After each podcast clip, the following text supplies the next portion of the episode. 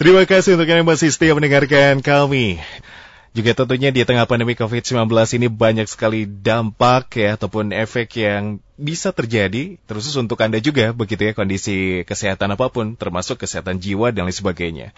Nah, ini bagaimana cara mengatasi stres selama pandemi akan menjadi perbincangan berikutnya dan kami akan mengajak Anda langsung untuk menyimak informasi yang akan disampaikan bersama narasumber kami. Sudah terhubung melalui sambungan telepon bersama Dr. Gabriela Tantular SPKJ sebagai dokter spesialis kejiwaan dari Omni Hospital Cikarang.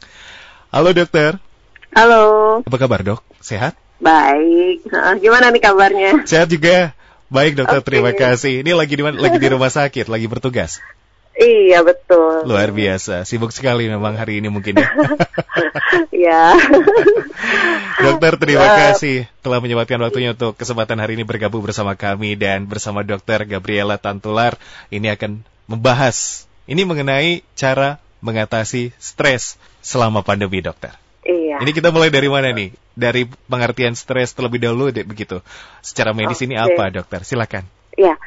Oke, okay. kalau stres itu sebenarnya uh, hal yang memang sering terjadi ya dalam hidup kita gitu ya. Jadi kalau misalnya ada tuntutan atau ada sesuatu yang mungkin uh, tidak menyenangkan untuk kita gitu, itu pasti jadi sumber stres buat kita gitu ya. Tapi uh, yang namanya hidup ya kita nggak bisa menghindar deh dari stres itu gitu. Hmm. Nah, yang penting adalah gimana sih kita uh, menghadapi stresnya gitu. Bagaimana kita menghadapi stresnya begitu karena kalau misalkan iya, kita uh, apa ya menghindari bisa di manage mungkin ya dokter ya bukan menghindari kalau misalkan stres pasti setiap orang ya ini pernah begitu dokter iya, stres merasakan stres ini. Nah, dok stres ini tentu akan dialami oleh setiap orang dan sebetulnya penyebab dari stres itu apa sih dok? Uh, maksudnya kan memang ini pembahasan di tengah pandemi ya dok ya. Tapi kalau secara general, secara umum, penyebab dari stres sendiri ini apa dok? Wah, itu bisa macam-macam ya. Okay. Jadi uh, mulai dari misalnya kalau dari pandemi ini mungkin banyak yang jadi nggak bisa kerja kan, gitu ya. Terus atau mungkin yang anak-anak nih biasanya bisa main, bisa ke sekolah, terus sekarang jadi harus diem di rumah gitu. Nah itu sumber stres juga gitu buat kita.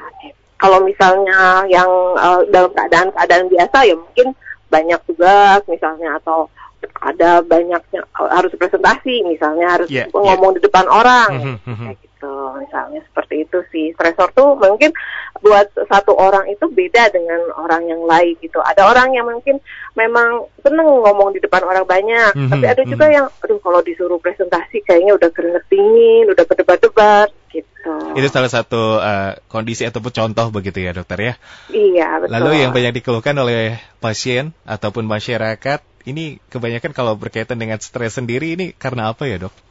Oke, kalau stres itu sebenarnya mungkin adanya ketidaksesuaian ya antara keinginan kita sama hmm, hmm. kenyataan gitu hmm. loh. Kepinginnya jadi kayak sultan ya, misalnya ya, tapi kenyataannya mungkin kerja juga nggak bisa nih, uh, kan kayak gitu. baik baik.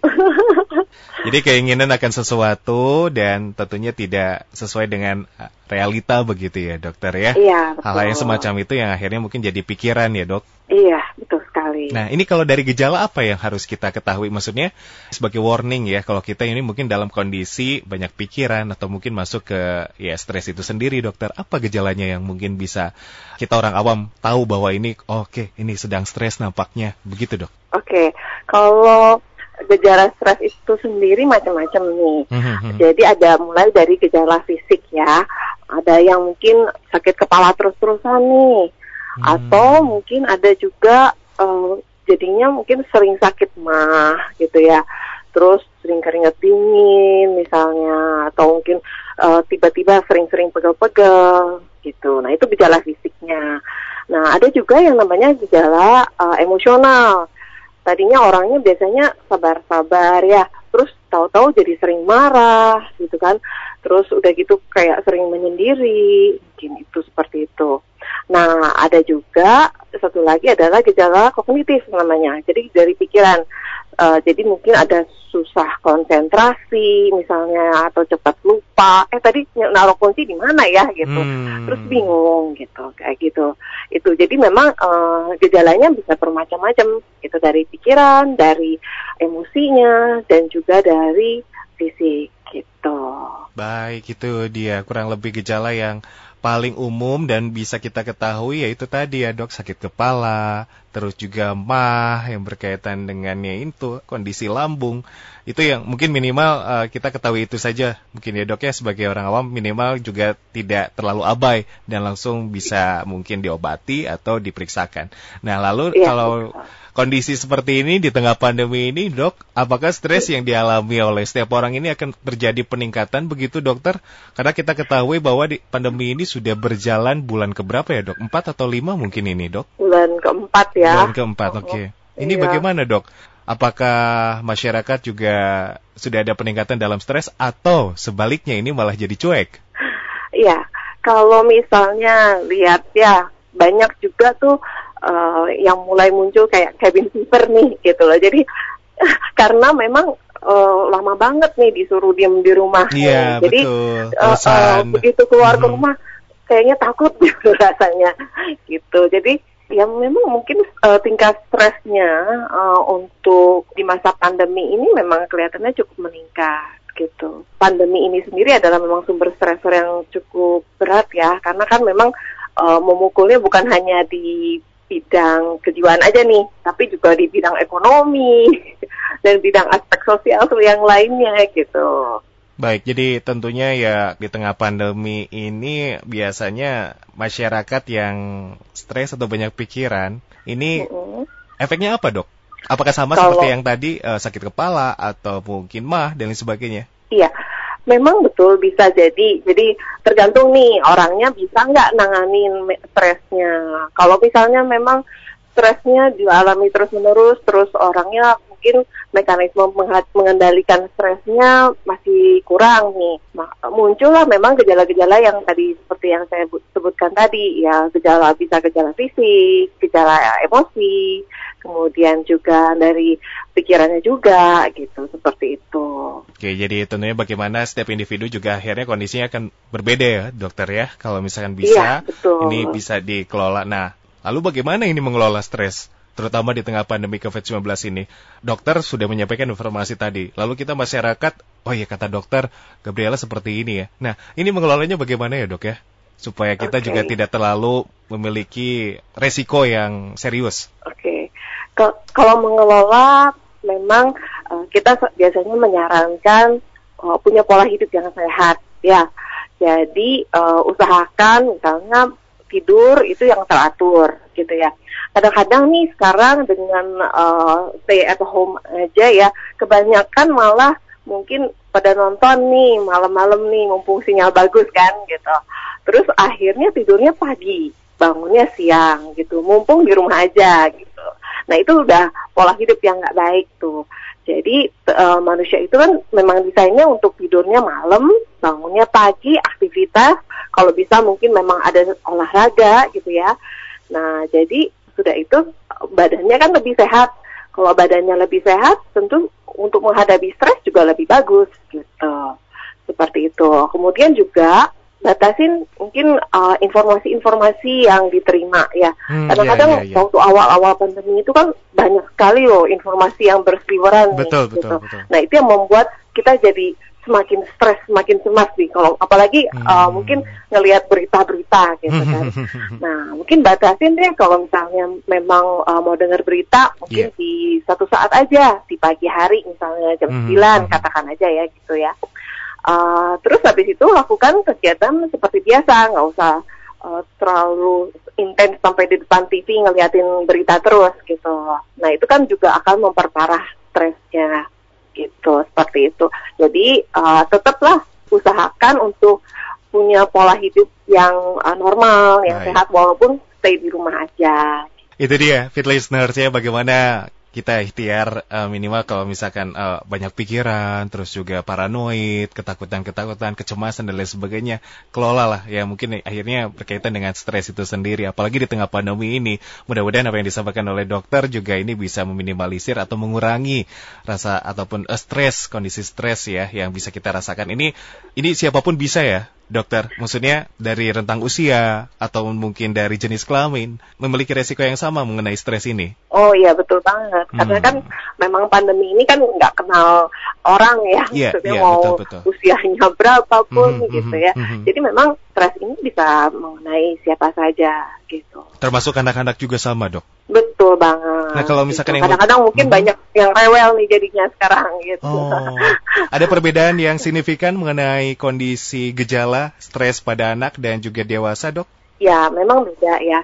Karena kan kalau misalnya anak-anak kan uh, lebih sulit ya mengungkapkan uh, mereka itu stres gitu ya. Yeah. Jadi mereka biasanya mengungkapkannya dengan mungkin kalau istilah orang tuanya kok jadi banyak tingkah ya gitu. Uh, jadi mungkin oh, yeah, yeah. mungkin dengan minta ini minta itu itulah atau mungkin uh, lebih rewel uh -huh, atau lebih cepat uh -huh. nangis dari biasanya misalnya kayak gitu. Oke baik, itu yang tentunya perlu diketahui kondisi stres pada anak. Lalu dokter, tentunya harapan ini bukan ke arah yang memburuk ya, tapi jika kondisinya sudah serius, memburuk, bagaimana kalau misalkan uh, tentunya kita sebagai masyarakat akhirnya harus segera untuk mendapatkan bantuan tenaga profesional dalam hal ini tenaga kesehatan dokter. Ini kondisi seperti apa dok? Oke, nah secara umum memang sebenarnya ketika kita menghadapi stres itu kita dibekalin juga kok mekanisme uh, tubuh kita untuk mengelola stres itu. Nah, uh, tapi kadang-kadang kalau misalnya sumber stresnya itu terus-menerus nih gitu ya, badannya kita juga nggak akan kuat gitu loh. Misalnya nih kalau misalnya ada masalah terus sering sakit kepala nih gitu ya. Nah, kalau misalnya mungkin masalahnya sudah teratasin, uh, sakit kepalanya mungkin sehari dua hari hilang. Nah, kalau misalnya kok kesakit kepalanya ini udah seminggu dua minggu masih aja ada.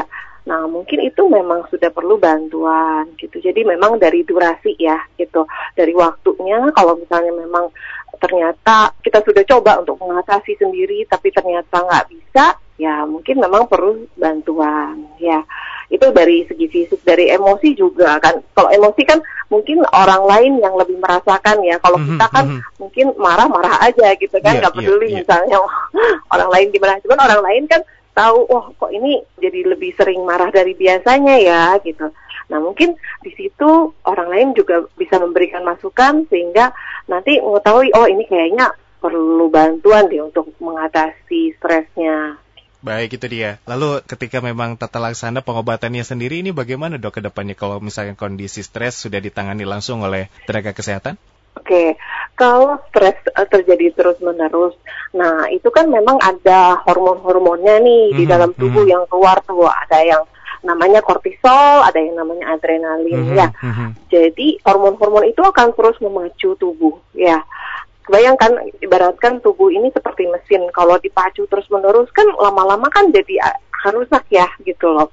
Nah, seperti itu juga gitu. Jadi kalau misalnya memang kita tidak segera tanganin ya, tentu ini akan membuat tubuh kita juga jadi nggak sehat. Jadi banyak keluhan uh, macam-macam nih. Kalau misalnya mah kan uh, mah terus-terusan, uh, misalnya sampai sebulan, padahal udah dikasih obat mah ya, tapi tetap aja muncul gitu seperti itu. Ada biasanya kalau kondisi stres seperti ini ada semacam resep yang diberikan kepada pasien dok? Dan kondisi seperti apa? Kalau misalkan ada pasien yang akhirnya dibantu juga dengan minum obat dok? Oh ya, Oke, kalau misalnya obat itu biasanya kita berikan kalau misalnya memang gejala-gejala fisik atau gejala emosi atau mungkin gejala pikirannya memang uh, sangat berat ya gitu. Jadi memang nggak semua sih kita berikan pasti obat gitu. Tapi kalau misalnya memang uh, kita setelah wawancara, setelah kita lihat, setelah kita uh, ya itu memang membutuhkan obat ya memang kita harus kasih obat. Biasanya memang mungkin kalau e, keluhannya paling sering adalah karena stres jadi susah tidur nih misalnya.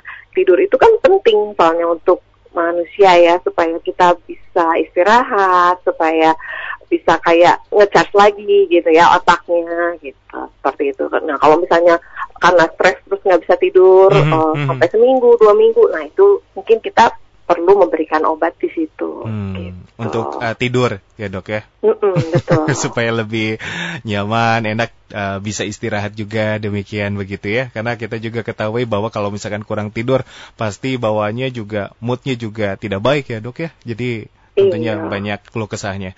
Lalu dokter, nah ini tips yang mungkin bisa disampaikan supaya tentunya ya kita di tengah pandemi ini bagaimana sih supaya kalau ada stres pun tidak terlalu berlebihan, masih bisa di manage begitu supaya kita juga kualitas hidupnya juga tetap baik dan tetap uh, produktif begitu dokter. Silakan okay. tips apa yang mungkin bisa disampaikan? Oke, okay. uh, tipsnya mungkin memang tetap kita harus menjaga pola hidup sehat ya. Jadi makan yang teratur, makan yang bergizi ya. Jangan mentang-mentang mungkin uh, di rumah aja terus bisa makan seenaknya gitu. Atau mungkin uh, gak uh, malah puasa gitu ya. Tetap harus uh, makan teratur. Tidur yang cukup dan teratur juga ya. Kemudian usahakan olahraga ya. Dalam sehari itu uh, 30 menit deh gitu nggak akan lama lah gitu. Tapi manfaatnya sangat besar untuk kesehatan tubuh kita.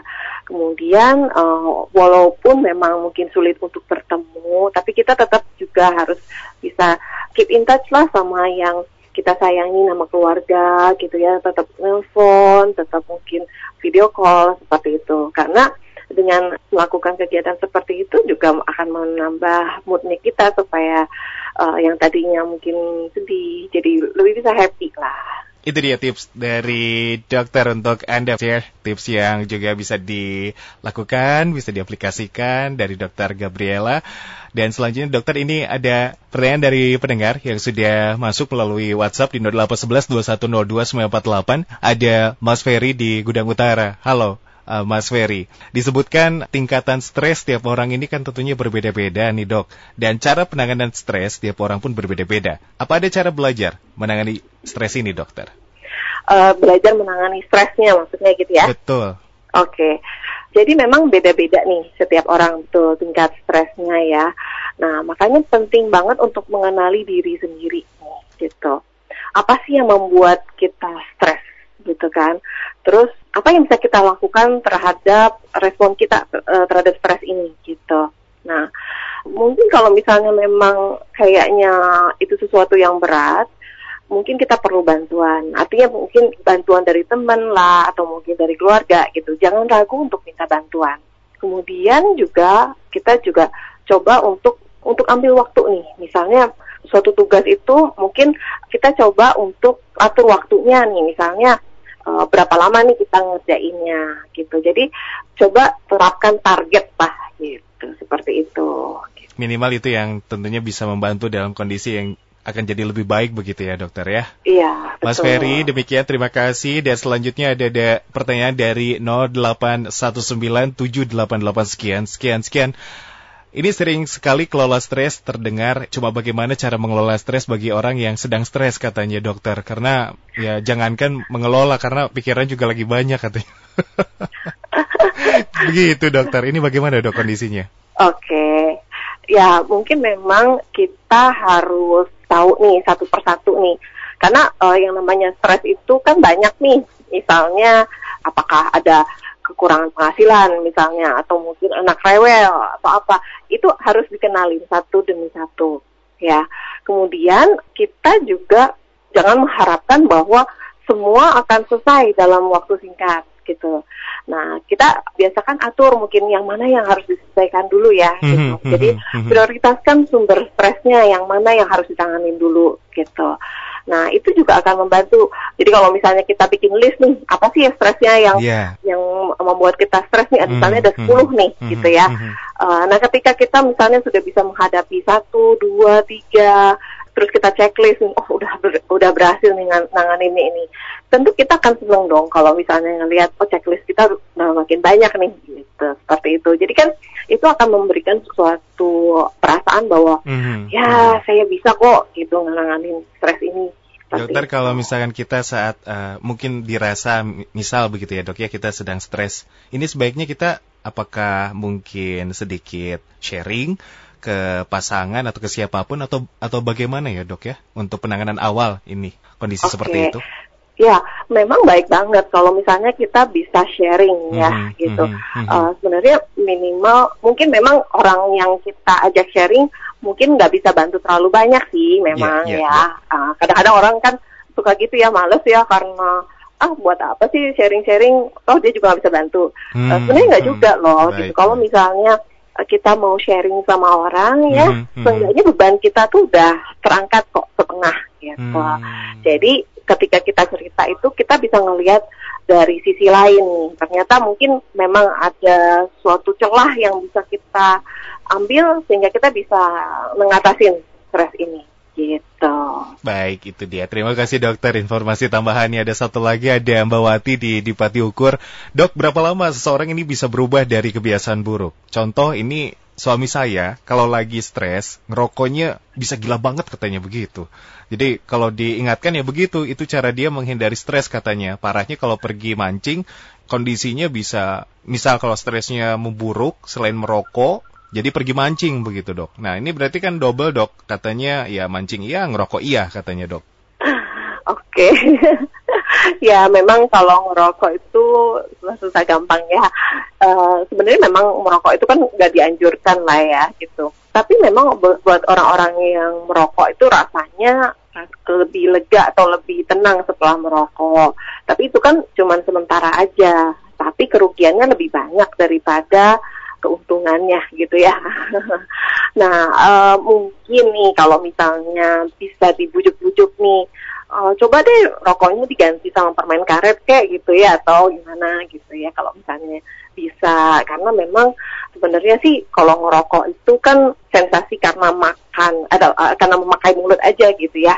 Nah itu kalau misalnya bisa diganti dengan permen karet itu sebenarnya uh, bisa gitu. Nah, kemudian kalau mancingnya nih, kalau mancing sih sebenarnya kalau dapat ikan kan nggak apa-apa ya. uh, jadi mungkin kalau misalnya um, memancing sih itu juga uh, kegiatan yang nggak terlalu merugikan sih ya gitu. Kalau misalnya memang dengan memancing bisa mengurangi stres ya kenapa enggak? Tapi mungkin frekuensinya jangan terlalu sering juga kali hmm. gitu ya. Mungkin kalau misalnya seminggu sekali, yeah, seminggu yeah. dua kali masih oke okay lah gitu. Tapi banyak yang memang beralasan seperti itu ya. Oh, kenapa merokoknya semakin hebat? Dalam artian bukan hebat, banyak begitu ditambah. Ini katanya lagi banyak pikiran, lagi stres dan sebagainya. Begitu ya dok ya. Banyak iya, yang seperti itu pasien-pasien iya, betul, banyak itu. sekali. Terima kasih Mbak Wati, mudah-mudahan uh, kondisi bapak atau suaminya ini juga membaik begitu ya. Terima kasih sudah berbagi informasi dan satu lagi ada Mas Haris di Kiara Condong. Ini disebutkan orang yang sudah menikah ini bisa lebih mengatasi stres. Tetapi ada yang bilang juga, nah ini sebaliknya, tingkat stresnya bertambah setelah menikah. Dokter. Oke. Kalau itu sih memang uh, tergantung ya. Yang namanya menikah itu kan dua orang nih, ya kan. Nah, tergantung dari komitmen dua orang ini gitu ya. Kalau misalnya menikah itu adalah mungkin ibadah ya, adalah sarana untuk kita uh, saling menemani, saling mendukung ya. Tentu menikah itu membuat kita semakin punya dukungan tapi kalau misalnya dasar menikahnya mungkin karena ya udahlah daripada sendiri misalnya atau mungkin eh, nggak uh, ada rasa kasih sayang misalnya gitu. Nah tentu uh, akan lebih banyak jelek-jeleknya yang muncul gitu biasanya. Dan itu mungkin membuat suatu dasar pertengkaran dan akhirnya jadi sumber stresor juga gitu.